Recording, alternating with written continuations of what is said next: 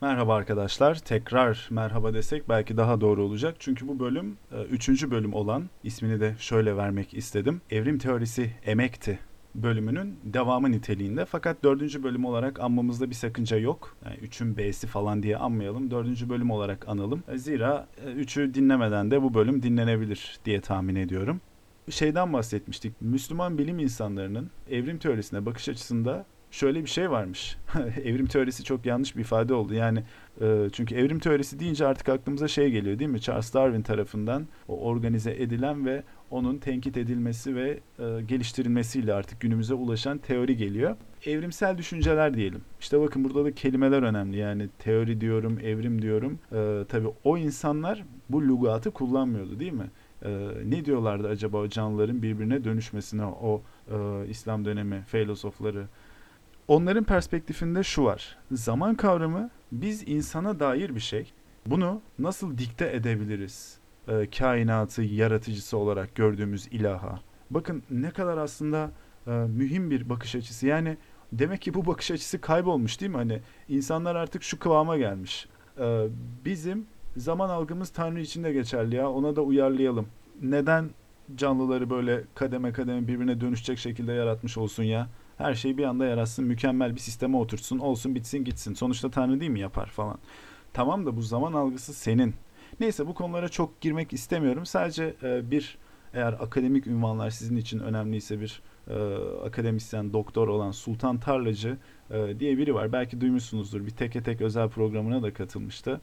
E, kendisi bence ilginç bir insan şu bağlamda. Ee, kendisi bir tıp doktoru olarak kariyerine başlamış. Sonra nöroloji uzmanlığı alıyor.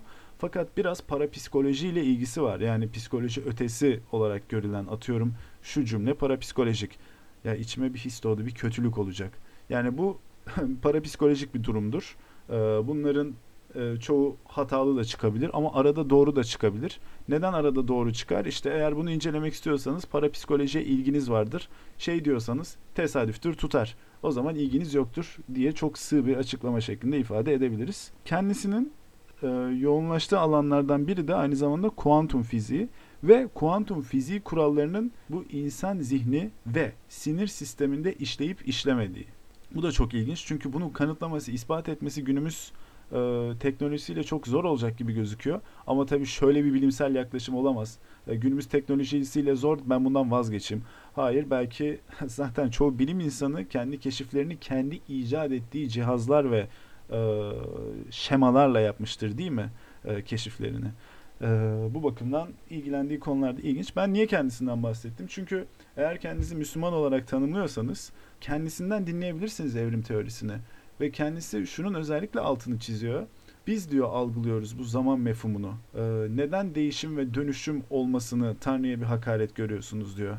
Ee, kendisi bu perspektiften yaklaştığı için adını zikrettim. Ee, eğer bakmak isterseniz Sultan Tarlacı YouTube'da kendisinin kanalı da var. Kendi videolarını da yüklüyor. Dediğim gibi bir teke tek özel bölümüne de katılmıştı ama orada zannedersem çok evrim konusuna girmemişlerdi de beynin işleme mekanizması üzerine konuşuyorlardı ve psikoloji üzerine. Yani işte atıyorum e, aşık oluyorsunuz. Beyninizin belli dönemleri, belli bölümleri e, daha farklı fonksiyonlar içine giriyor veya işte e, anne oluyorsunuz. O beyin yapısı değişiyor. Çocukken şöyle, yetişkinlikte böyle, Alzheimer gelince böyle vesaire vesaire. Hani beyinle alakalı bir bölümdü.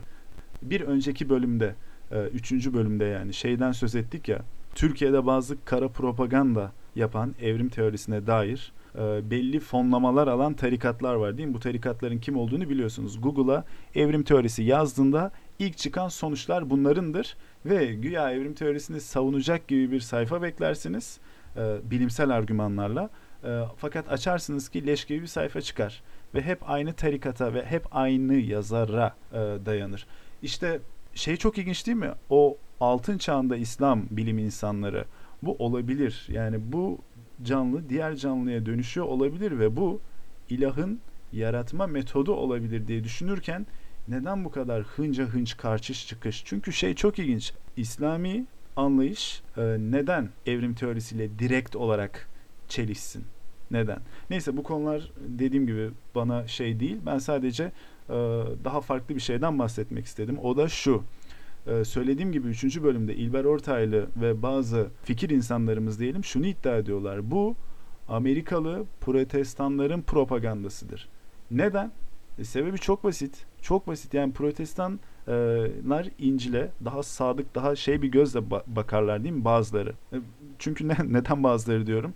E, bunu genele yayamayız. Yani Alman protestanla Amerikan protestanı aynı sınıfa koyarsak çok çuvallarız. İkisinin de bakış açısı o kadar farklı ki. O kadar farklı ki. Değil mi? Yani bunu şey gibi düşünün işte. Suudlar da sözüm ona Müslüman. Ne diyelim? Makedonya'nın yüzde kırkı da Müslüman. Şimdi hiç pratiklerinin yaptıkları hareketlerin falan alakası var mı? Yok. Ya da işte boşnaklar diyelim vesaire falan.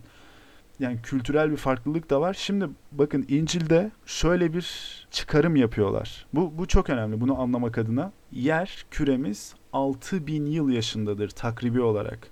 Şimdi diyeceksiniz ki hoba nasıl bu çıkarımı yapıyorlar? Yani İncil'de böyle bir cümle mi var? Hayır hayır İncil'de öyle bir cümle yok. Yani işte e, yer küre 6000 yıl yaşındadır ona göre davranın falan gibi bir cümle yok. Fakat e, bu manaya gelecek çıkarımlar yapılabiliyor. O da nasıl? Biliyorsunuz Genesis diye bir bölüm var ve e, kainatın işte dünyanın yaratılışını anlatılıyor, anlatıyor e, şeyde İncil'de. E, şimdi orada gün olarak bahsetmiş. Diyor ki işte ilk gün Tanrı e, ışık olsun dedi. Ondan sonra hadi sular olsun dedi diğer gün. Ondan sonra diğer gün geldi hadi bitkiler olsun dedi. Diğer gün geldi hayvanlar olsun dedi. E, diğer gün geldi ne dedi? Hım biz kendi suretimizde bir şey daha yaratalım. Yani İncil bu şekilde ilerler ve orada e, İngilizce çevirilerinde we şeklinde yani biz şeklinde kullanılıyor. E, biliyorsunuz Kur'an'da da bazı bölümler biz şeklinde geçiyor. Bu bir hitap şekli vesaire de olabilir. O dönemin e, linguistiğinin, filolojisinin incelenmesi lazım yani. Biz kendi suretimizde de bir şey yaratalım diyor. İnsanı yaratıyor. Ondan sonra da dinleniyor değil mi diğer günde? O da işte Sunday yani e, dinlenme günü oluyor. Buradan yola çıkarak diyorlar ki burada bahsedilen günler evet gerçekten bildiğimiz günler. Yani güneşin e, çevresinde dünyamızın dönmesiyle pardon o yıllara tekabül ediyor. Dünyamızın kendi ekseni etrafında dönmesiyle oluşan günler. Yani 24 saat. Ee, Tanrı bunları e, 6 çarpı 24 saat içerisinde yapmış olmalı diyorlar. Ve bu yola çıkış işte onları bitiriyor. Çünkü eğer dünyayı yaş vermek adına Genesis'i kullanırsanız yerküre yaklaşık 6000 yıl yaşında. E, siz yerküre 6000 yıl yaşında derseniz evrimi reddetmek zorundasınız. o zaman diyeceksiniz ki fosillere falan ne diyorlar? Bazı e, çıldırmış yobaz Hristiyanlar ne diyor biliyor musunuz? Onlar e, bizim inancımızı test etmek için Tanrı tarafından konuldu diyorlar. E, yani dinozor fosilleri için böyle ifade ediyorlar. ne kadar ne kadar ilginç bir şey değil mi? Yani neden bu kadar zorlamaya? Hani senin elinde bir bulgu var. E, neden o bulgudan bir yola bir şeye çıkmak yoluna gitmiyorsun da e, ve şey de çok ilginç. Hani İncil'de gün diyor e, fakat o günü neden bir benzetme olarak değil de 24 saat olarak algılamak zorundasın değil mi? E şimdi bu konu yine tekrar bizi aşar. Çünkü bu Hristiyan teolojisinin tartışması gereken bir şey. Yine e, bana ne açıkçası. E, fakat bir yandan da işte bizi çok ilgilendiriyor. Neden bana ne olmuyor? Oradaki adam e, parası var ve diğer ülkeleri de fonluyor. E, siz evrimi okutmayın boş verin diye. Bunlar iyi şeyler değil diye. Anladınız mı? E, bu da çok ilginç bir şey yani aslında baktığınız zaman. Ve şimdi biraz da şeye gelelim artık. Madem tarihe doğru yavaş yavaş geliyoruz farkındaysanız. Osmanlı'da Darwin. Bakın şey değil, e, evrim değil tam olarak. Çünkü dediğim gibi e, eski o İslam döneminde tartışılmış. Belki bazı Osmanlı düşünürlerinin de aklına gelmiş olabilir. Bu canlılar birbirine acaba dönüşüyor olabilir mi diye. Tabii Osmanlı'da çok sistematik bir bilimde yoktu tabii açık konuşmak gerekirse. Yani hani e, bir pozitif bilimin tam anlamıyla yeşerdiği bir ortam yoktu değil mi? Ee, bunu hani öz eleştiri babında söylüyorum yani. Ee, eleştirmek çünkü iyi bir şeydir. Fakat e, Darwin'in e, kitabı çok sansasyonel bir etki yarattıktan sonra tabi Osmanlı'da da e, haberdar olunmuş. Ha, bu arada biliyorsunuz UNESCO e, Darwin'in 200. doğum yıl dönümü olması sebebiyle 2009 senesini Darwin yılı ilan etmişti ve TÜBİTAK'ta Bilim ve Teknik dergisinin zannedersem 2009 Mart kapağıydı. Darwin olarak belirliyor. Fakat dergi baş, basım aşamasındayken ne oluyordu hatırlıyorsunuz. Bunların hepsini çıkarttırıyorlar. Bunların hepsini çıkarttırıyorlar. Bunları yapmayın diye, bunları göstermeyin diye Darwin Marvin bunları şey yapmayalım biz diye. Bunlar biraz tabii e, daha ne oluyor? İdeolojik işlere kayıyor artık değil mi? Ve ne kadar üzücü. İşte burada şeyi görüyorsunuz. Benim düşünce biçimime senin bilimin uysun. E, fakat bilim zaten bilme hevesidir. Yani biz bunu bilelim ondan sonra sen kendi düşünce biçimini değerlendirebilirsin örneğin. Yani e, bana çok ilginç geliyor gerçekten. Yani bakın evrim teorisi yoktur demek şu anlama geliyor. E, yer küre yaratılmıştır ve hep aynı şekilde kalmıştır. E, yani hiçbir zaman dinozorlar var olmamıştır demek. Ya çünkü düşünsenize eğer yer kürenin başlangıcından beri insanlar var ise bizim dinozorlara dair anılarımız, sagalarımız, mitlerimiz, hikayelerimiz nerede? Yani ya da dinozorlar tarafından insanlar e, nasıl katledilmedi, nasıl sağ çıkabildiler? Değil mi? Yani şu an o kadar aslında komik şeyler konuşuyorum ki bunların konuşulmaması bile lazım. Yani 65 mi 65 milyon yıl önce biliyorsunuz dinozorların türü tükendi. E, buna büyük ihtimalle o malum çarpışma sebep oldu. Ee, ve bir günde de tükenmedi türleri değil mi? Bu bir süreçti. Çünkü e, bitkiler zehirlendi, sular zehirlendi vesaire vesaire oldu. E, fakat tam olarak da bilinen bir süreçte değil. Ancak şey olarak bak hani 65 milyon yıl önce hepsinin türü aynı gün aynı saat içerisinde tükendi olarak da bakmayın. Yani burada şeyin altını çizmek istiyorum. Her şey bir süreç olarak gerçekleşiyor. Ve eğer siz hani evrim yok diyorsanız e, dinozorlarla insanların aynı dönemde yaşadığını da kabulleniyorsunuz. Neden? E çünkü şöyle bir iddiada bulunuyorsunuz. Canlılar değişmediğine göre baştan beri insanlar var olmalıydı. E dinozorlarla da aynı dönemde yaşadılar. Ya nasıl yaşayabilir? Nasıl yaşayabilir? Yani mümkün değil, değil mi? E, ya da şöyle gidelim. E, siz yani o zaman buzul çağlarını da reddediyorsunuz veya iklim değişikliğini de reddediyorsunuz, değil mi? Yani coğrafi ve jeolojik değişmeleri reddediyorsunuz. Yani biliyorsunuz en son buzul çağı 110 bin yıl önce başladı. Takribi 10 bin yıl önce sona erdi. Yani bunu insanların ataları gördü. Neden? Çünkü Homo sapiens'i takribi 200 bin yıl olarak e, yaşı hesaplanıyor. En son biliyorsunuz Fas'ta bir tane kafatası bulundu. O 300 bin yıl olarak söz edilmişti. Bir önceki podcast'ta e, konuşmuştuk onu. Fakat biz yine 200 bin yıl diyelim daha papucu sağlam temele bağlayalım. Daha ayaklarımız yere bassın demek istedim ama papucu sağlam temele bağlamak nedir ya? Ee, her neyse. Yani 200 bin yıl olsa bile bizim için kafi çünkü bu şu demek. Homo sapiens'in Homo sapiens yani bizim atalarımız buzul çağını gördü demek. Peki siz şunu mu iddia ediyorsunuz? Yani buzul çağında da bütün hayvanlar aynıydı, bütün bitkiler aynıydı. Hiç e, nesli tükenen olmadı ya da bir şekilde o çevreye adaptasyon için. Çünkü evrim nedir? En iyi olmak mıdır? En hızlı olmak mıdır? En mükemmel olmak mıdır? En böyle şaşalı olmaktadır? Hayır hayır hayır ya çevreye uyum sağlayıp hayatta kalabilmektir. Bu kadardır. Ya bu kadar basit bir şey ve çevre değişken bir şey. İşte hani evrim teorisini anlarken anlaşılması gereken şey bu. Bu bu şey bana korkunç geliyor. Yani bir şeye baktığında kritik düşünme yapmadan onu hep oradaymış gibi görmek. Hep bu sanki varmış ya burada gibi görmek. Atıyorum işte şey e, biraz bilmiyorum tuhaf bir benzetme olacak ama piramitlere bakıp şu an bunları uzaylılar yaptı diyen insanlar gibi. E, sanki hep bunlar burada olmalıymış gibi. Neden? Çünkü e, şu an oradaki Mısır halkı onu yapamaz ya. Çünkü o kültür şeyi zinciri silsilesi kırıldı bir kere. Onlara öyle geliyor. Halbuki o dönemde daha farklı dinamiklerle o toplum çalışıyordu ve onlar için o piramitlerin manası bambaşkaydı. E diyorsun hadi tamam e, mimari olarak yap şey olarak yaptılar. Taşları maçları kölelere taşıttılar. Bunu anlıyorum da nasıl o matematik hesaplarını yaptılar da işte o nasıl o astronomik hesapları yaptılar da güneş senede iki kere vuruyor. Ya zaten onların başka bir işi yoktu ki yani tüm işleri zaten gökü incelemekti, göğü incelemekti. Bunun üzerine bir mitoloji kurgusuydu ve dinleri de zaten bu şekilde ilerliyordu. Yani tüm hayat motivasyonları buydu aslında. Ee, ve zaten Antik Mısır'da ömür de çok kısaydı. Ee, yanlış bilmiyorsam 30 yıl kadar bir şey. Yani düşünün bir insan ömrü 30 yıl kadar. Yani onlar için bunu ne anlamda söylüyorum?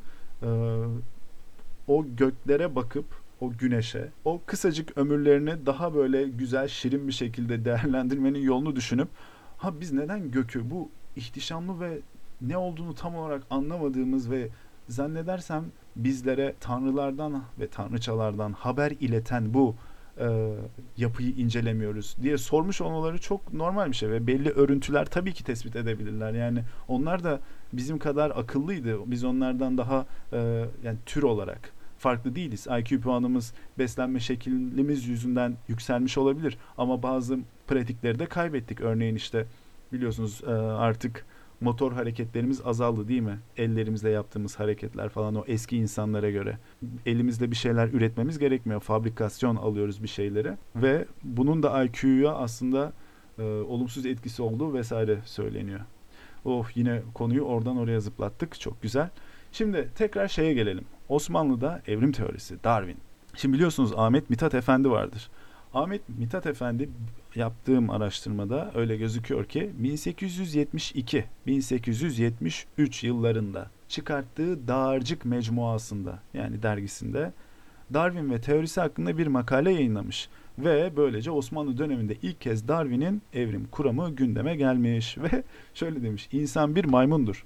Ee, insanın bir maymun olduğunu söylemiş. Bu tabi e, terminoloji olarak çok yanlış. İnsan bir maymun falan değildir. İnsan primattır insan primat takımındandır evrim teorisine göre. Yoksa maymunun atası başkadır, insanın atası başkadır. Ama gittiğinizde geriye doğru bir noktada kesişir. Bunların ikisi çok farklı şeylerdir. Yani bu şey gibi oluyor yani işte hmm, nasıl diyelim kurtların atası tilkilerdir, e, tilkilerin atası köpeklerdir falan böyle her şeyi karman çorman etmek gibi bir şey oluyor. Yani bu ağaçlandırma olarak zihninde düşünemiyorsanız oraya gidersiniz işte herkes herkesin dedesi halasıymış falan diye çıkarsınız. Onu bir ağaç olarak düşünemezseniz. Sonra bu yazı çok tepkiler çekmiş ve e, öyle gözüküyor ki bundan sonra maymunlar hakkında yazı yazılmaya diye e, padişah buyruğu çıkmış. Ne kadar ilginç değil mi? E, Sultan Abdülaziz dönemi oluyor o devir. Ee, bunun sonucunda işte tıp öğreniminde bile artık Darwin reddedilmiş şey olarak, fikir olarak vesaire Osmanlı içerisinde. Ve Ahmet Mithat da bu düşüncelerinden ötürü sürgüne yollanmış Rodos'a. Ondan sonra herhalde şimdi biraz e, şey konuşalım, e, nasıl diyelim, iğneleyici konuşalım. Herhalde burnu sürtmüş olacak ki ondan sonra şöyle demiş, e, tamam ben bu işten vazgeçiyorum demiş kendisi. Bir de ikinci meşrutiyetin ilanından sonra 1910'da İstanbul'a dönen Abdullah Cevdet. İştihat dergisinde e, evrim teorisine dair yazılar yazmış, tepki çekmesine rağmen yazmaya cesaret etmiş diyelim. E, ve hatta kendisi şunu iddia etmiş. Kur'an'da gayet ben kanıtlarını görebiliyorum yani bu şekilde yaratılış olabileceğine dair. Şimdi çok daha ilginç bir yere geçeceğiz. Bir e, Darülfünun hocası var. Kendisi Hoca Tahsin Efendi olarak aratıp bulabilirsiniz. Osmanlı'nın Avrupa karşısında fenni ve bilimsel olarak bir geriye düşüşünün iyice artık fark ettiği o dönemin meyvesi olan insanlardan biri. Çünkü neden? Avrupa'ya öğrenci olarak yolluyorlar ya da türlü vesilelerle yolluyorlar. Bakın kendisi aslında e, dini yönü olan bir kişi Hoca Tahsin Efendi fakat şeye gidiyor. Pa, e, Paris nezaretine yani bak Paris'teki sefaret pardon nezaret bakanlık olur. Paris sefaretine e, din insanı olarak gidiyor. Yani orada işte imamlık yapmak vesaire için gidiyor. Fakat orada boş durmuyor aynı zamanda gözlemlemek zorunda. Etrafına algılamak ve yeri geldiğinde rapor etmek zorunda. Ve e, bu türlü fikriyatla karşılaşıyor. Ve e, ondan sonra yurda geri döndüğünde Osmanlı topraklarına geri döndüğünde derslerinde evrim teorisine dair bazı anlatılar yapmış kendisi ve hatta bazı yerlerde Darwin'e katılmadığını ifade ederek Hoca Tahsin Efendi diye aratıp bakarsanız bulursunuz. Şimdi podcast'ta yapmayı istemediğim, e, kaçmak istediğim bir şey var. O da belli bir yazıyı önüme alıp onu okumak. Fakat bu yazıyı istisna olarak görmenizi ve e, mazur görmenizi rica edeceğim. Bunu okumak istiyorum. 1800'lü yıllarda yaşamış bir Osmanlı Darülfünun hocasının e, Tarihi Tekvin yahut Hilkat adlı eserinde bu da şu anlama geliyor varoluşun veya yaratılışın tarihi canlıların evrimi konusuna nasıl değindiğini okuyacağız ve modern Türkçemizde okuyor olacağım. Ve çok ilginç unsurlar var. Sadece düz okumayı değil aynı zamanda bazı yerlerinden bahis eylemeyi düşünüyorum. Okuyorum. Çoğu doğa felsefecileri yalnız göz önünde bulunan suretlere bakarak geçmiş ve gelecek zamanlara asla bakmıyorlar. Şu an ben giriyorum araya sıfır olarak. Ya şu cümle ne kadar önemli değil mi? Yani sadece göz önünde bulunan suretlere bakarak nasıl kainatı, evreni, yaratılışı anlayabileceğimizi iddia ediyoruz diyor. Bunun geçmişi yok mudur diyor. Okumaya devam ediyorum. Bu nedenle hayvanların ve bitkilerin cinslerinin ve çeşitliliğinin sürekliliğine hükmettikleri ve bunların geçici özellikleriyle dönüşüm ve değişim geçirdiklerine inanmadıkları bilinmektedir. Yani bu bir bilimsel bakış açısıdır. Bakın hayvanların ve bitkilerin sürekliliğine hükmediyor diyor insanlar için. Yani evrim teorisini al, e, algılamak istemeyen ve reddeden insanlar için. Neden böyle bir fikriyat içerisindesiniz diyor. Yani kainatta her şey bir dönüşüm ve e, devinim içerisinde değil mi diye soruyor. Okumaya devam ediyorum. Bu kimseler her biçimdeki hayvan ve bitkinin bir kere husule geldiğini ve sonsuz zamanda o asıl hallerinde değişmeden devam ettiklerini söylerler. Yalnız şahıslar değil, türleri ve cinsleri bile değişmekte ve yenileşmektedir. Tabiatın bağrında değiz, değişmez bir şey var mıdır? Bütün türler ve cinsler bir değişim ve daimi olgunlaşma halinde olduğu halde türlerin değişmezliğini iddia edenler karşılaştırmak için yeterli derecede olmayan kısa bir süre varsaydıklarından dolayı aldanmışlardır. Yani 1800'lü yıllarda yaşamış bir Osmanlı aliminin şu bilimsel perspektifine bakar mısınız? Ha, şunu da unutmayın. Kendisi Avrupa'ya gidiyor. Oradaki o bilimsel e, kritik mekanizmasını kendi gözleriyle görüyor. Yani bu çok önemli. Zaten Osmanlı'nın amacı da buydu. Neden yolluyordu Avrupa'ya? Çünkü eğitim sisteminde ve askeriyette ve her konuda aslında çok geride kaldığını biliyordu ve e, belli bir sınıf, belli bir e, takım yetiştirmek gerektiğini biliyordu artık. O perspektifle de bakabilen. Okumaya devam ediyorum. Bu hususun araştırılması için alınan zaman ölçeği Mısır'ın çöküşü çağındaki Aristo'nun tecrübeleridir. Yani diyor ki biz en geç kaydi olarak en fazla oradan dokümanlarımız var. Daha önceki şeyi bilmiyoruz. Yani 10 bin sene önceyi bilmiyoruz diyor. Okumaya devam. Halbuki bu gibi yavaş ve sürekli olan değişim için 2000 senelik zamanı ölçek olarak almak şaşılacak bir şey değil midir? Çünkü bu birkaç yüz senede tamamlanan bir süreci belki saniye ölçüsü kabul etmek gibidir. Eskilerin hükümleri yalnız kendi zamanlarının bilimine mahsustu. Yani 2000 yıl önceki adamın kaydını okuyoruz. O 2000 yıl önceki dönemi anlatıyor bize. Ondan öncesini anlatmıyor diyor. Devam ediyorum. Oysa bu derin meselenin çözümü müracaat olunacak kutsal kitap arzın sayfalarıdır. Burada İslami kimliğini katıyor. Yani hakikaten Rabbin korunmuş levhaları hükmünde olan arzın tabakaları içinde cisimleşmiş kelimeler kabilinden olan hayvanların ve bitkilerin kalıtlarıdır, fosilleridir. Ya yani şu perspektife bakar mısınız? Ee, biliyorsunuz bizim insanımız da bunu söylemeyi çok sever. Kur'an'ın ilk emri nedir? Akradır, okudur. Ee, bildiğiniz üzere kıraat da o kökten gelir yani e, konuşma e, şeklinde orada bir e, benzetim var. Ama emin olmak için e, sizlerle e, bir yanlış olmasın diye e, tekrar bakalım. Kıraat olarak. E, kıraatın anlamı okumak, okudu ve seslenmek şeklindeymiş. Diyeceksiniz kıraathane nereden çıkmış? Yani işte o okuma, çağırma, sesleme gibi bir benzetim yoluyla kıraathane kelimesi de çıkar. Aynı zamanda e, Kur'an kelimesi de etimolojik olarak okunan anlamına geliyor. E, ona yakın bir şey yani kıraat edilen unsur olarak düşünün. Yani okulunup takip edilen unsur. Şimdi konumuza geri dönüyorum. Kur'an'ın ilk emri e, o perspektifle, o İslami perspektifiyle akra iken ve şunu biliyorsunuz tabi hiçbir dini kitap e, kendi inançları gereğince gökten kitap olarak okunacak bir şey olarak düşmemiştir. E, İncil'in de Kur'an'ın da kitaplaştırılması kendi peygamberlerinden sonradır. Demek istediğimi anlıyorsunuz değil mi? Yani buradaki okumak eğer bu şekilde algılanacaksa başka bir okumak olsa gerek. Değil mi? Ya bu bölümlerde biraz dine girmiş oldum. Neden girmiş oldum? Ee, bunu yapmak hiç istemiyorum aslında. Fakat sebebini biliyorsunuz ve çok iyi anlıyorsunuz. Çünkü Türkiye'de bu iş e, sanki dinin karşısındaymış gibi ve e, dinle evrim savaşıyormuş gibi lanse ediliyor. Ve bundan ben çok rahatsızım. Aşırı rahatsızım. Ee, yani velev ki öyle diyelim. Bunu bilimsel bir temelde tartışmak suretiyle değil de hayır yok yalan söylüyorsunuz işte ya da işte çok karmaşık bunu öğrenciler anlamaz lisansta okurlar ya da ilgisi olan okur falan şeklinde getirmek bana çok tehlikeli geliyor yetişen nesillerimiz için. Ee, tekrar Hasan Tahsin Hoca'nın yazdıklarına geri dönüyorum. Hatta şu cümleyi tekrar okuyacağım.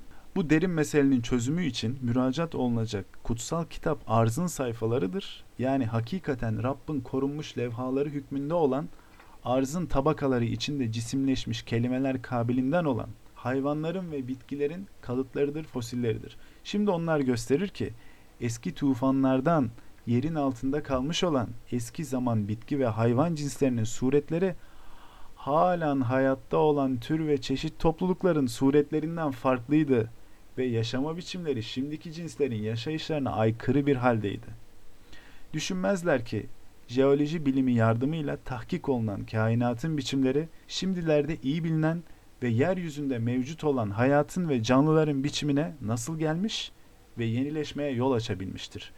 Kainatın çeşitli devirlerinin zincirlerini birbirine bağlayan halkalarını görmek istemiyorlar.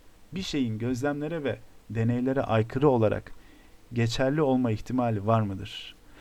Biraz daha devam ediyor ama ben daha fazla okuyup e, podcast'ı boğmak istemiyorum. Eğer ilginizi çektiyse lütfen siz arayın bulun. Ha şeyi sormuş olabilirsiniz. Bu bunun kaynağı ne? Çünkü okuduğun çok modern bir Türkçe. Orijinal Osmanlıcası değil.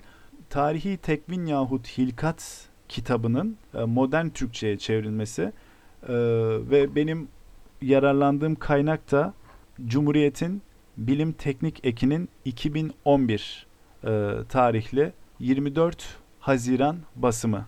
O bilim teknik ekinde bunun diğer bilimsel olarak nasıl çevrildiğini vesaire artık merak ediyorsunuz. Arşivine girer bakarsınız.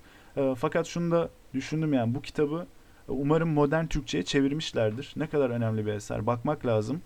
Olmadıysa da bir Osmanlıca alıp bir köşeye koymak lazım. Yani sırf bunun için dahi o Osmanlıca kelimelere aşina olmaya çalışmak bence çok iyi bir motivasyon olabilir.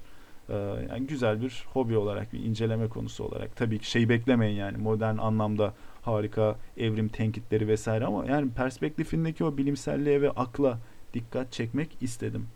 Ee, nasıl umarım sizin için de güzel gidiyordur. Yani hani evrim teorisinin o klişeleşmiş e, sözüm ona klişeleşmiş konularından biraz e, farklı şeyler duymak hoşunuza gitmiştir diye umut ediyorum. Şimdi daha artık ilginç bir noktaya gelelim değil mi? Şimdi bahsettik fosiller. Fosiller bulundukça şu anlaşılıyor ve insanların başına dank diye vuruyor. Ya meğerse yerküre çok daha eskiymiş, farklı dönemlerden geçmiş, şu olmuş, bu olmuş, coğrafya ve şekiller, yer şekilleri değişmiş. Sürekli bir değişim ve dönüşüm var. Böyle bir ortamda canlılar nasıl ayrı kalabilir ki? Aynı kalabilir ki? Değil mi? Ee, ondan sonra malumunuz fosiller bulunuyor. Bunların taksonomik olarak bilimsel sınıflandırılmasında Latince isimler kullanılmasına karar veriliyor. Daha e, ev, daha küresel her bilim insanının anlayabileceği şekilde olsun diye. Hani çünkü yerel isimler, kültürel isimlerle devam ettirmeye çalışırsanız batar gidersiniz yani. E, biliyorsunuz Anadolu'da şeyin örnekleri vardır. Bir yerde bir e, sebzeye bir isim verirler. Başka bir şehre gidersiniz. Orada çok alakasız bir şeye, bir meyveye falan o ismi vermişlerdir vesaire. Hani o yüzden Latince isim kültürü de e, oturmuştur. Şimdi ben etimolojik olarak burada ilginç noktalara değinmek istedim. Bir dinozor türü var. Bunu paylaşmazsam olmaz. Hatta genus olarak geçmiş bu. Genus'un Türkçe karşılığına hemen bakalım. Cins. Evet biliyorsunuz o cins, tür vesaire olarak gidiyor değil mi taksonomide? Ee, cins nedir? Birbirine benzeyen ve ortak birçok karakterleri olan türler topluluğu olarak tanımlamış sözlük. Şimdi şöyle bir cins var genus var. Erlikosaurus. Bu bir terapod dinozor. Takribi 90 milyon yıl öncesine dayandırılmış fosilleri vesaire bulunmuş. Peki şimdi Erlikosaurus ismi e diyeceksiniz ne olacak? Bir sürü dinozor var. Şimdi dinozorları mı sayıklayacaksın bize? Hayır size çok tuhaf gelebilecek bir şey söyleyeceğim. Moğolistan'da bulunuyor fosili. 90 milyon yıl öncesine takribi bir yaş atanıyor. Bu dönemde yaşamış olsa gerek diye. Peki bu cinsin isimlendirilmesindeki Erlikosaurus, o erlik nereden geliyor? Geliyor. Ee, erlik El şu an birkaç fonetik varyasyonunu okuyorum. Erlik, Erklik, Erlikhan, Türk ve Moğol mitolojisindeki ölüm tanrısı, yeraltı tanrısı. Yani antik Yunan'daki Hades eşleniği falan denebilir. Ee, Türki ve Moğol bir tanrı. Bu arada Wiki şey diyor, Macar mitolojisindeki karşılığı Ördök'dür. Ee, biliyorsunuz e, kültürel bir benzeşim e, yani proto zamanlardan bahsedeceksek e, Moğollar, Türkler, Finler ve Macarlar arasında e, belli bağlar kurulabiliyor. E, fakat malum hepsi farklı coğrafyalarda farklı unsurlarla etkileşimine devam ederek başka kimliklere kaymışlar ki aslında bu da bir evrim. Yani bak öyle o şekilde bakmaya e, hazırsanız bu da bir evrim değil mi? E, tabii şey de olabilir. Macaristan'a e, Türkiye kavimlerin gelmesi tarihi sürecinde de devam etmiştir. Yani e, Türk Bulgarlar gelmiştir, e, Türkiye Bulgarlar gelmiştir İdil'den. Ondan sonra Kumanlar gelmiştir Karadeniz'in kuzeyinden vesaire vesaire. Dediğim gibi bu Erlik yeraltı tanrısı ve insanın da yaratıcısı olarak geçiyor. İlginç. Daha doğrusu şöyle, Tanrı'ya insanı yaratmasında yardım etmiş gibi bir şey var Türkiye mitolojide. Karanlığın, yeraltı dünyasının efendisi, lordu, beyi ve haliyle e, bu fosilde yerin katman katman altında bulunuyor Moğolistan'da e, bir hoşluk olsun diye madem öyle buradaki kültüre dair bir isim verelim buna diyorlar ve Erlikozaurus ismi de e, Türk ve Moğol mitolojisinden gelen o tanrı Erli'nin isminden geliyor. Bu benim e, hoşuma gitmişti. E, peki bununla bitti mi? Hayır. E, ben Erlik, Erlikozaurus'u zaten biliyordum. E, onu araştırırken bir sürpriz olarak karşıma bir şey daha çıktı. E, paleontolojistler e, yeni türü isimlendirdi ve bu Haziran ayında olmuş. Şu an e, Temmuz'dayız 2017'de. Bu 2017'nin Haziran ayında olmuş. Bir plozaur yani ne oluyor bu? E, bir deniz reptile olarak geçiyor. Ben neden şu an e, reptile'i çevirmiyorum? Çünkü biz reptile'ı Türkçe'de ne olarak biliyoruz? Sürüngen olarak biliyoruz. E, bizim Türkçe mantığımızda denizdeki bir şey nasıl sürünür değil mi? Sürünmez. E, şu an benim önümde tahmini çizilmiş, fosiline istinaden çizilmiş bir görseli var. Gayet böyle yüzgeçimsi bir şeylerle yüzmeye çalışan ama bir yandan da o sürüngen yapısını da ağız yapısında falan görebildiğiniz bir canlı gibi diyeyim. O kuyruk yapısı da sürüngenimsi. Ama işte biz buna sürüngen diyerek o sürekli bir sürünme iması katmışız. E, halbuki kendisi bir reptile olarak dersek daha iyi anlaşılacak şu an. Aslında bakın bakın burada da yine şey var değil mi? Biz bu canlıları hep sürünür gördüğümüz için sürüngen demişiz. Halbuki onlarla ilişkilendirilen o canlı, o eski ve artık yaşamayan dinozor döneminden 130 milyon yıl öncesine yaklaşık olarak dönemlendirilmiş bu canlı sürünmüyor. ee, anlatabildim galiba değil mi? Yani bir şekilde dilin de evrim geçirmesi gerekir mi öyleyse şimdi bu canlıya sürüngen dememiz için? Ee, peki bu Piloazaur türüne e, ne isim vermişler? Bu arada bunu bu araştırmayı şey yürütmüş. E, Lomonoskov Moskov pardon Lomonozov Moskov Devlet Üniversitesi yürütmüş. E, buldukları fosile bu yeni e, fosile Luscan itilensis adını vermişler. E, diyeceksiniz ki Luscan nedir? Şöyle ki e, Luscan aslında yani kan diye okuyorum ben şu an tabi e, İngilizce olan makalede. Fakat Luscan Moğolca'da su ne demek? Hemen daha doğrusu su nasıl söyleniyor? Hemen bir kontrol etmek istedim. Ee, Moğolca'ya geçelim. Evet tam tahmin ettiğim gibi Moğolca'da ulus. Ee, yani biz su diyoruz ama onlar us şeklinde bir şey söylüyorlar. Niye böyle okuyorum? Çünkü Kiril alfabesiyle yazılıyor tahmin edebileceğiniz gibi Moğolca. Ee, uslah ve us olarak geçiyor. Uslah da fiil haliymiş. Yani sulamak olsa gerek. Uslah ve us.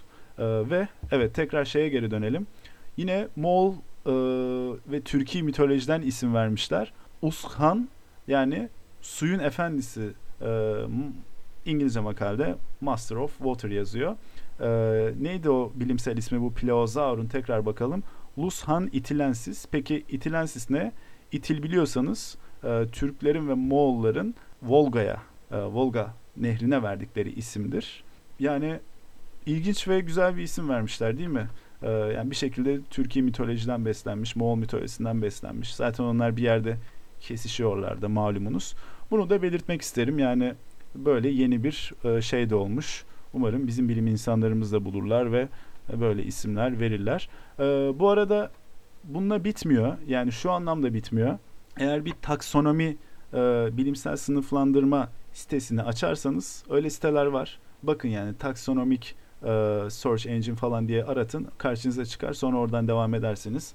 E, şey falan diye aratırsanız zaten içinde Türk geçen, Tatar geçen bir sürü e, fosil var. E, bunlar tabii şeyle alakalı işte Türkistan'da bulunuyor, Türkmenika'da bulunuyor. Yani öyle geçiyor.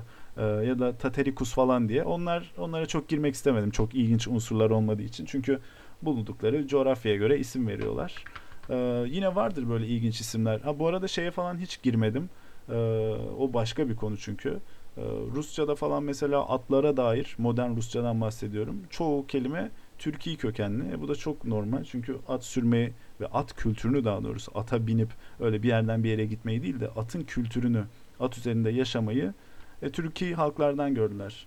E, değil mi o etkileşim halinde oldukları Orta Asya halklarıyla, Türkiye halklarla ve böylece etimoloji sayfası açıldı önümüzde. Biliyorsunuz e, Türkçedeki belki de evrimin yaşadığı en büyük problemlerden biri kavram kargaşaları. Çünkü uygun kelimeleri anlamıyoruz sanki. Yani e, biz primat takımına dahiliz. E, bu bir eteneli bir memeli takımı ve goril var içerisinde orangutan, şempanze, gibon var ama daha başka türler de vardı. Onların kimisi kayboldu. Biz şu an son formasyonları görüyoruz dediğinizde karşıdaki insan tekrar şey diyebiliyor. Ne yani ben maymun Charlie miyim? Neden? Bakın hayır ben o insanları şey gördüğümden değil. Çünkü kavram kargaşaları var. Biz primatlara maymunsular falan diyebiliyoruz Türkçe'de. Ama bu aslında çok doğru bir şey değil yani. Çünkü maymun o spesifik e, canlının adı yani işte o e, aklımıza gelen o kıllı tüylü canlının adı. maymun değil. Bakın primat ne demek? Primat ise primus, Latince primus'tan geliyor yani birinci olan, ilk olan, en önde olan prima kökünden geliyor. Yani anladınız mı aradaki farkı? Bu bunu İngilizce, Almanca okuma olarak yapan biri onu primate olarak okuyor ve primus. Büyük ihtimalle diğer Avrupa dillerinde de öyledir zaten. Latin kökenli. Ve hani ben o birinci sınıftanım ya diyor. E, biz ne diyoruz? Maymunsu ya diyoruz. E, o kendini şeye sınıflandırıyor zihninde. En üstün memeli sınıfı. Primate. Yani primary. En önemli. Biz ise şey maymunsuyuz biz ya falan deyip ha olmuyor yani. İşte ben insanları da bu konuda anlayabiliyorum aslında. Neden bu kırılmaları yaşıyorlar fikri bağlamda. Ee, onun dışında hadi gelin sizle Türkçedeki e, primatların etimolojisine inelim. Bunlar bize nereden gelmiş vesaire. Biraz da oradan kafayı e, zorlayalım. Ondan sonra yavaş yavaş bu bölümü kapatalım değil mi? Goril, e, bu arada Nişanyan sözlüğü kullanıyorum. Goril Afrika'ya özgü bir tür büyük maymun. Güzel, e, Yunancadanmış ve eski çağ yazarlarına göre şöyle bir kayıt tutulmuş.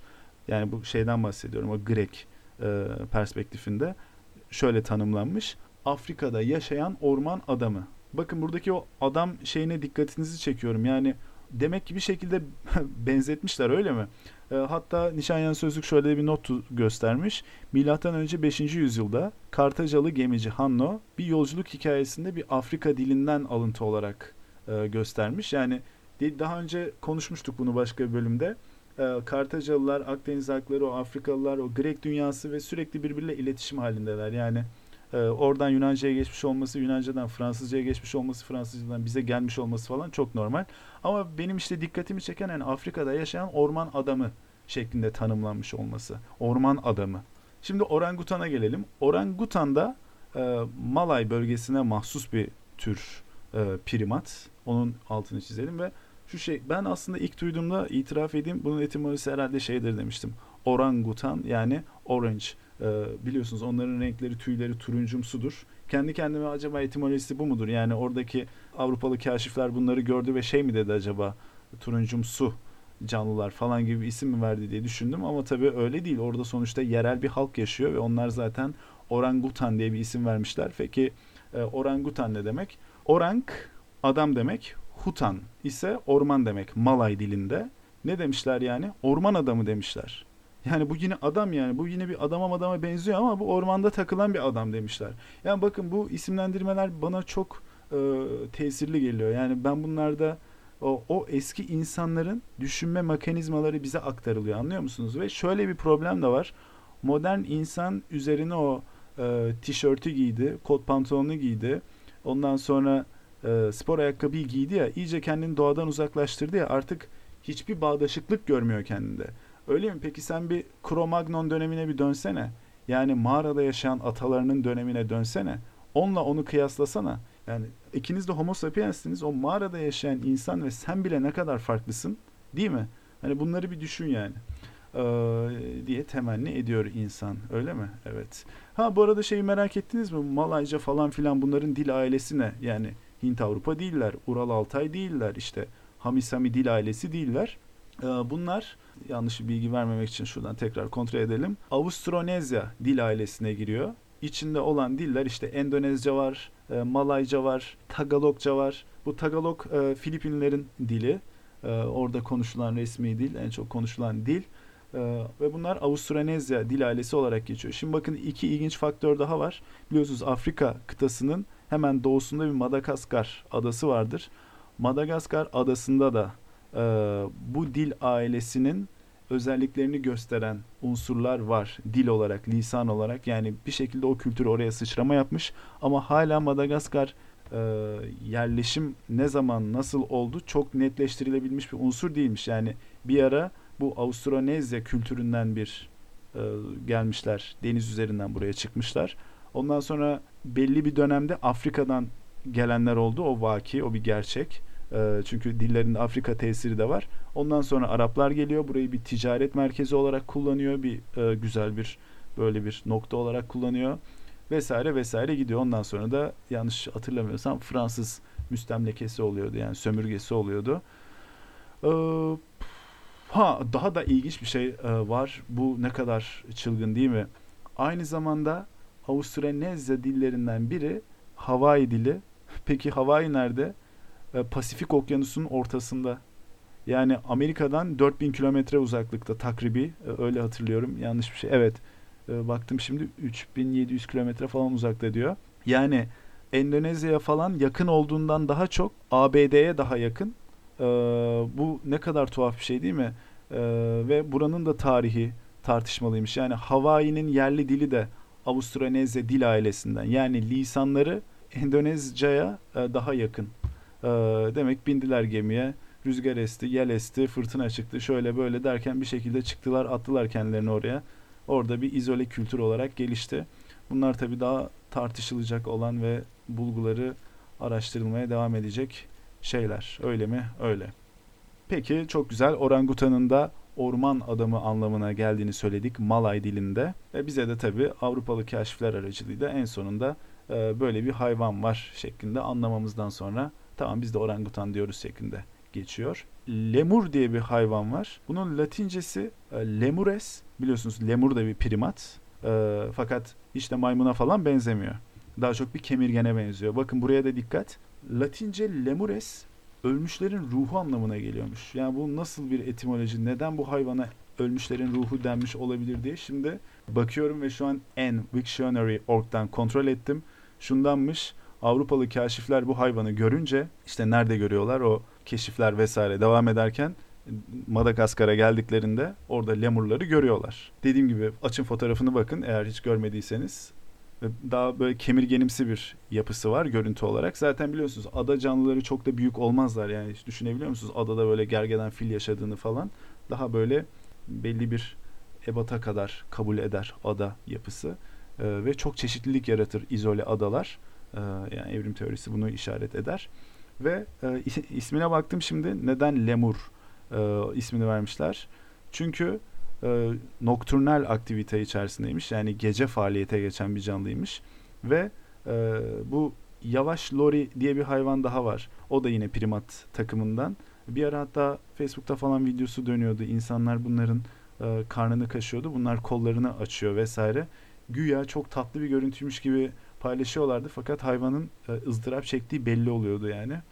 Ne kadar saçma bir şeydi. O yavaş lori aynı zamanda çok çok çok ağır hareket eden bir canlı olduğu için Bunlar o genel ismi vermişler. Yoksa e, işte şey var değil mi? Lemur katta. O gayet hızlı, süratli bir hayvan. Böyle oradan oraya zıplayan. E, buradan Avatar e, çizgi dizi olan Avatar'ı izleyenler Engin e, yardımcısı olan o lemurumsu canlıyı hatırlayıp selam edeceklerdir. Şimdi maymun geliyor. O meşhur maymun. Ee, Envik bunu şey olarak geçmiş. Ee, monkey diyor bir ihtimal diyor Türklerden gelmiş olabilir diyor. Türklere de Araplardan geçmiştir diyor. Arapçada o yum mastarı yani mayumun ise mutlu talihli anlamına geliyordur diyor. Fakat Nişanyan bunu tenkit etmiş. Bu bir halk etimolojisi olur anca demiş. Bu maymunun kökü diyor mimundan geliyor diyor. Yani biz onu Türkçe maymun okuyoruz ama Arap memun diye okuyor ve bunun içinde mim kökü var diyor ve bu da işte o mimik kelimesine giden mim. Ha bu arada Arapçaya nereden gelmiş? Arapçaya da Yunancadan geçmiş. O da işte o taklit etmek işte hatta pandemin falan vardır yine aynı kökten değil mi? Mim yani burada ne anlama geliyor öyleyse maymun? Ee, taklitçi.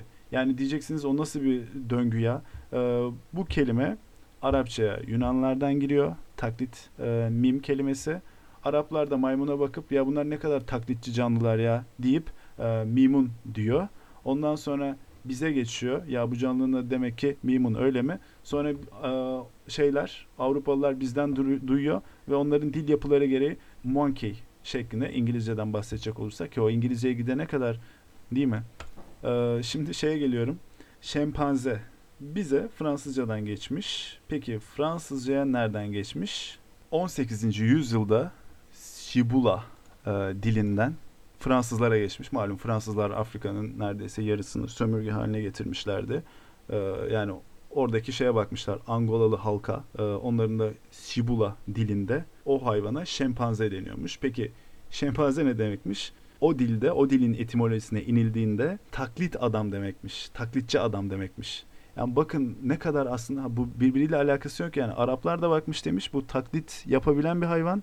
Bize falan da benziyor böyle gitmiş Angola'daki o e, siyahi kabileler de yahu demişler bunlar aynı adama benziyor ki hani burada e, tabii ki ırkçılık olarak anlamayacaksınız değil mi? Kendi ten renklerinin de siyah olduğunu unutmayın. E, fizyolojik olarak bahsediyorum. Kendisini daha da taklit edebilir buluyor yani değil mi? E, o perspektifle bakacak olursak. Hadi şimdi biraz daha farklı yerlere gelelim. Peki insanın etimolojisi nereden geliyor? İnsan e, Arapça ins kökü tek bir kişi anlamına geliyormuş. E, bu da Akatça Nishu kelimesiyle bağdaşıyormuş. Halk olma, kavim olma anlamıyla. E, burada neye dikkatinizi çekiyoruz? E, primat canlısı yapısı gereği sosyal bir canlı ve etimolojik olarak halk ve kavim olma ile insan kelimesi bağdaşıyor. Yani e, o sosyal doğası gereği birbirini koruyup kollayarak ormanda veya habitatında e, tabiatta var olabilen bir takım primat. Onun dışında hayvanlardan bahsedecek olursak hayvan Arapça kökten geliyor ve e, hayatla aynı kökten e, yaşayan demek işte can taşıyan demek. Biliyorsunuz canavar da zaten Farsça can taşıyan demektir. Yani aslında öyle korkutucu bir anlamı falan yoktur. Canavar sadece e, hatta neredeyse canlı demektir yani ama e, o halk dilimizde kendi anlamını kazanmış. E, gelelim bitkiye falana. E, bitki bitmekten geliyor. Neden? İşte yerden bitiyor malumunuz.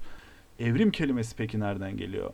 Demiştik ki bu yeni Türkçe bir kelime. Yani dil devriminden sonra 1935'te üretilmiş. Evolution'ın karşılığı olarak üretilmiş. Evolüsyon karşılığı olarak üretilmiş. Burada evirilme kökü var değil mi? E, Nişanyan şöyle bir not düşmüş. Evirmek ve devirmek fiilleri esasen eş anlamlıdır ama yeni Türkçe ile beraber ikisinin anlamı ayrılmıştır. Yani devirmek başka bir şey olmuştur, evirmek başka bir şey olmuştur. E, şeklinde dil devrimiyle bu anlam farklılığı yaratılmıştır şeklinde kendisi bir not düşmüş. Evirmek yani o bir şekilde döndürmek, bir şekilde dönüş dönüşüm var. E, evet bu şekilde ifade edersek daha da doğru oluyor değil mi? Peki madem devirim dedik o ne demek? O da revolution'ın karşılığı. İşte burada şey ilginç aslında değil mi? İkisinde de bakın evrim ve devrim arasında e, ne fark var? Başına bir D harfi geliyor. E, zaten o ana kadar da anlamları aynıymış. Değil mi? İkisi de aynı anlama geliyormuş. Sonra anlam farklılığı yaşanmış. Benim hep şey garibime gider. Devrim e, revolution'dır değil mi? Evrim nedir? Evolution'dır. Onların arasında da sadece bir harf farkı var. R harfi var. Yani evolution, revolution, revolution şeklinde. E, bu hep benim e, ilgincime gitmişti ve aslında sebebi çok basit. E, revolve'da dönmeye dair bir kök. Revolve etmek, revolver. Hatta revolver diye silah vardır bilirsiniz böyle altı patlar şeklindedir. E, o da o dönerek attığı içindir. Yani hep bir döngüsellik, bir dönme e, bağdaşıklığı kurulmuş bu etimolojilerde. Çünkü şeyi fark etmişler. Ya bu hayvanlar birbirine, e, tabii birbirine değil yani e, kuş, kelebeğe falan dönüşmüyor. Bu hayvanlar başka bir şeylere dönüşüyor. Ha bir de bakın böyle bir hata var işte. Şey var ya neden o zaman şimdiki koyunlar kurt olmuyor? Ya evrim öyle bir mantıkla çalışmıyor. Yani evrim için e, kurt diye bir klasifikasyon yok. Onun genleri var. O oradan devam ediyor. Kendi içerisinde kademeli kademeli gelişen bir e, dönüşüm var. Yani hiçbir koyun hiçbir zaman kurt olmayacak. Ha bir gün yırtıcı bir hayvan olması gerekirse olur. E, gerçi bizim insan hükümranlığımız altında ne kadar olabilir o da ayrı ya. E, ama demek istediğimi anlıyorsunuz değil mi? Yani evrimi evrime amaç yüklemek, insansı özellikler yüklemek evrime ne kadar yanlış bir düşünce açısı. Yani hadi o zaman şimdi koyunun kanatları çıksın da uçsun kaçsın. Ya kendi türünü devam ettirdiği sürece bir baskı altında kalmadığı sürece, coğrafyası, şekli, yaşadığı ortam değişmediği sürece, o stresi duymadığı sürece değişmesi için bir sebep yok ki. Kendi türünü aktarıp gidiyor işte. Ee, peki İngilizce human e, ne demek? Yani insan. E, o bu kelime Fransızcadan geçmiş. E, or, e, ama şöyle bir şey var. Middle French denilen dönem biliyorsunuz bir dönemi oluyor Britanya'nın. Britanya biliyorsunuz o adanın ismi. İskoçya, Galler ve İngiltere olarak bildiğimiz adanın ismi Britanya. Ee, Norman istilası yaşanıyor ve onlar bir Fransızca kültürü ve lisanı getiriyorlar. Ee, onların humane dedikleri kelimeden gelmiş. İngilizce'deki human. Ee, o da Latince humanus kökünden geliyormuş ve bu da e, en nihayetinde homo köküyle bağlı. O da homo da biliyorsunuz insan demek zaten e, homo sapiens vesaire de o şekilde adlandırılıyor değil mi? Peki animal ne demek? Animal ise anima kökünden geliyor. Bu da nefes, ruh demek. Burada şeye çok e, dikkat çekmeli. Yani ruhla nefes arasında bir bağdaşıklık kurulmuş. Zaten biliyorsunuz genel olarak böyle bir algı vardır. Yani işte her nefs ölümü tadacaktır. Biliyorsunuz orada spirit anlamında kullanılır. Fakat aslında nefes ile aynı etimolojik köke dayanır. Neden? Çünkü o animalık yani o hareket edebilirlik yani o canı olurluk o durum ile ilişkilendirilmiştir. Yani soluk alıp verme bir hayat ve anima olma belirtisidir ve bu animal'larda o şekilde zaten insanda bir animal ee, değil mi? Düşünen animal. Ee, Aristo'nun tarifi miydi? Human is political animal. Ee, evet Aristo'nun. İnsan politik hayvandır. Ne kadar doğru e, politik hayvanlarız. Peki. Ondan sonra bir de simian ve prosimian diye bir tanım varmış. E, bu da şu. Simos e, antik Grekçe'de e, kalkık küçük burunlu gibi bir anlamı var. E, öyle bakmıştım az önce. Tekrar emin olmak adına Simos'a tekrar bakalım. Yani etimolojik anlamı nedir? Küçük ve kalkık burunlu. Pro, e, simian, pro biliyorsunuz öncesi oluyor. E, simian yani simian öncesi oluyor. İşte bunların içerisinde o kemirgene benzeyen primatlar var primat takımının alt üyeleri var. Bunların içerisinde makiler, lorisler, işte galagoklar, ayaylar vesaylar varmıştı, varmış. Ee, ve biliyorsunuz pro e, eski o Grekçe'de ön, öncesi gibi anlamlara geliyor. Ee, yani işte o maymunsu yapıya varmadan önce yani wiki başlığı bunun ön maymunlar ama bu aslında ön, ön maymunlar olarak çevrilmesi bunun yanlış. Yani bu simiyanlık o e, bakın ne kadar önemli. Bu prosimiyan tabiri bilimsel bir tabir e, prosimian yani simian demek küçük ve kalkık burunlu aslında orada küçük ve kalkık burunlu öncesindeki primatlar olarak isimlendirilmiş. Biz Türkçe'ye nasıl çevirmişiz? Ön maymunlar. Hayır bunlar ön maymunlar değil. Bunlar hani öyle bir ifade gibi geliyor ki ön maymunlar. Bunlar ileride sanki yeterli vakit verilirse maymun olacak. Hayır maymun falan olmayacaklar. Onlar gayet kendi evrim kanallarını bulmuş durumdalar. Ee, yani az önce de bahsettiğimiz gibi bunlar Güneydoğu Asya'da e, ve Madagaskar'da yaşıyorlar. Ee, bakın tekrar konu nasıl bağlanıyor. Çünkü insan kültürü de benziyordu orada değil mi? Ee, dil, lisan olarak yani. Hepsi Avustronezya dil ailesindendi. Yani bunlar üstüne düşünülesi e, ve muhakeme edilesi şeyler. Bu prosimian canlılar Madagaskar'da e, ve bir kısmı da Güneydoğu Asya'da yaşıyor. İşte açın bakın o makiler, galagoklar, loriler falan bu şekilde aratabilirsiniz. Ve kemirgenlere benziyorlar. Ne kadar ne kadar önemli. Çünkü kemirgenlere benzemekle beraber bazı özelliklerini de böyle bir baktığınızda e, bir primata benzetebiliyorsunuz bariz bir şekilde. Ve bu şey açısından çok önemli. Malumunuz 10 65 milyon yıl önce e, dünyada dinozorlar hüküm sürerken ve herkes onlardan korkarken e, memeliler ne yapıyordu? Memeliler sefil haldeydiler. Çünkü e, yerin üstüne hakim olan dinozorlardı. Memelilerin ataları daha doğru yani daha doğrusu o öncü memeliler diyelim bir kemirgen hayatı şeklinde toprağın altında yaşıyorlardı. İşte o toprağın altından çıkıp e, dinozorların yok oluşundan sonra yer üstüne hakim olma, o hükümranlık süreci nasıl evrildi, nasıl bir dönüşüm oldu görmek istiyorsanız açın bakın bunların fotoğraflarını ha ne dersiniz? Ee, böyle bir canlı bir delili hani böyle biraz kemirgene benzeyen, biraz primata benzeyen bir şey olsaydı da ah ona bakabilseydik diyorsanız alın açın bakın. ee, onun dışında e, bir de prosimian haricinde simia diye bir e, gruplama var. O da işte malumunuz bize benzeyen prima yani biliyorsunuz işte e, hareketleriyle, tavırlarıyla zaten çok fazla kültür onlara taklit adam, e, orman adam e, gibi isimler vermiş malumunuz. E, bir de ape diye bir kelime var değil mi? İşte hatta şey meşhur film e, Maymunlar Cehennemi'nin orijinali nedir? Plan, Planet of the Apes diye hatırlıyorum. Doğru mu hatırlıyorum? Evet. Yani biz ona Maymunlar Cehennemi demişiz. Filmin orijinali, orijinal ismi ise Ape'lerin gezegeni. Yani Ee, her şeyde çok farklı mantalitemiz var yani. Peki ape hangi kökten geliyormuş? Bu e, Almancadaki affe ile aynı köktenmiş. Daha çok maymun anlamına doğrudan bağdaştırılabilirmiş yani. Artık yavaş yavaş kapayabiliriz herhalde.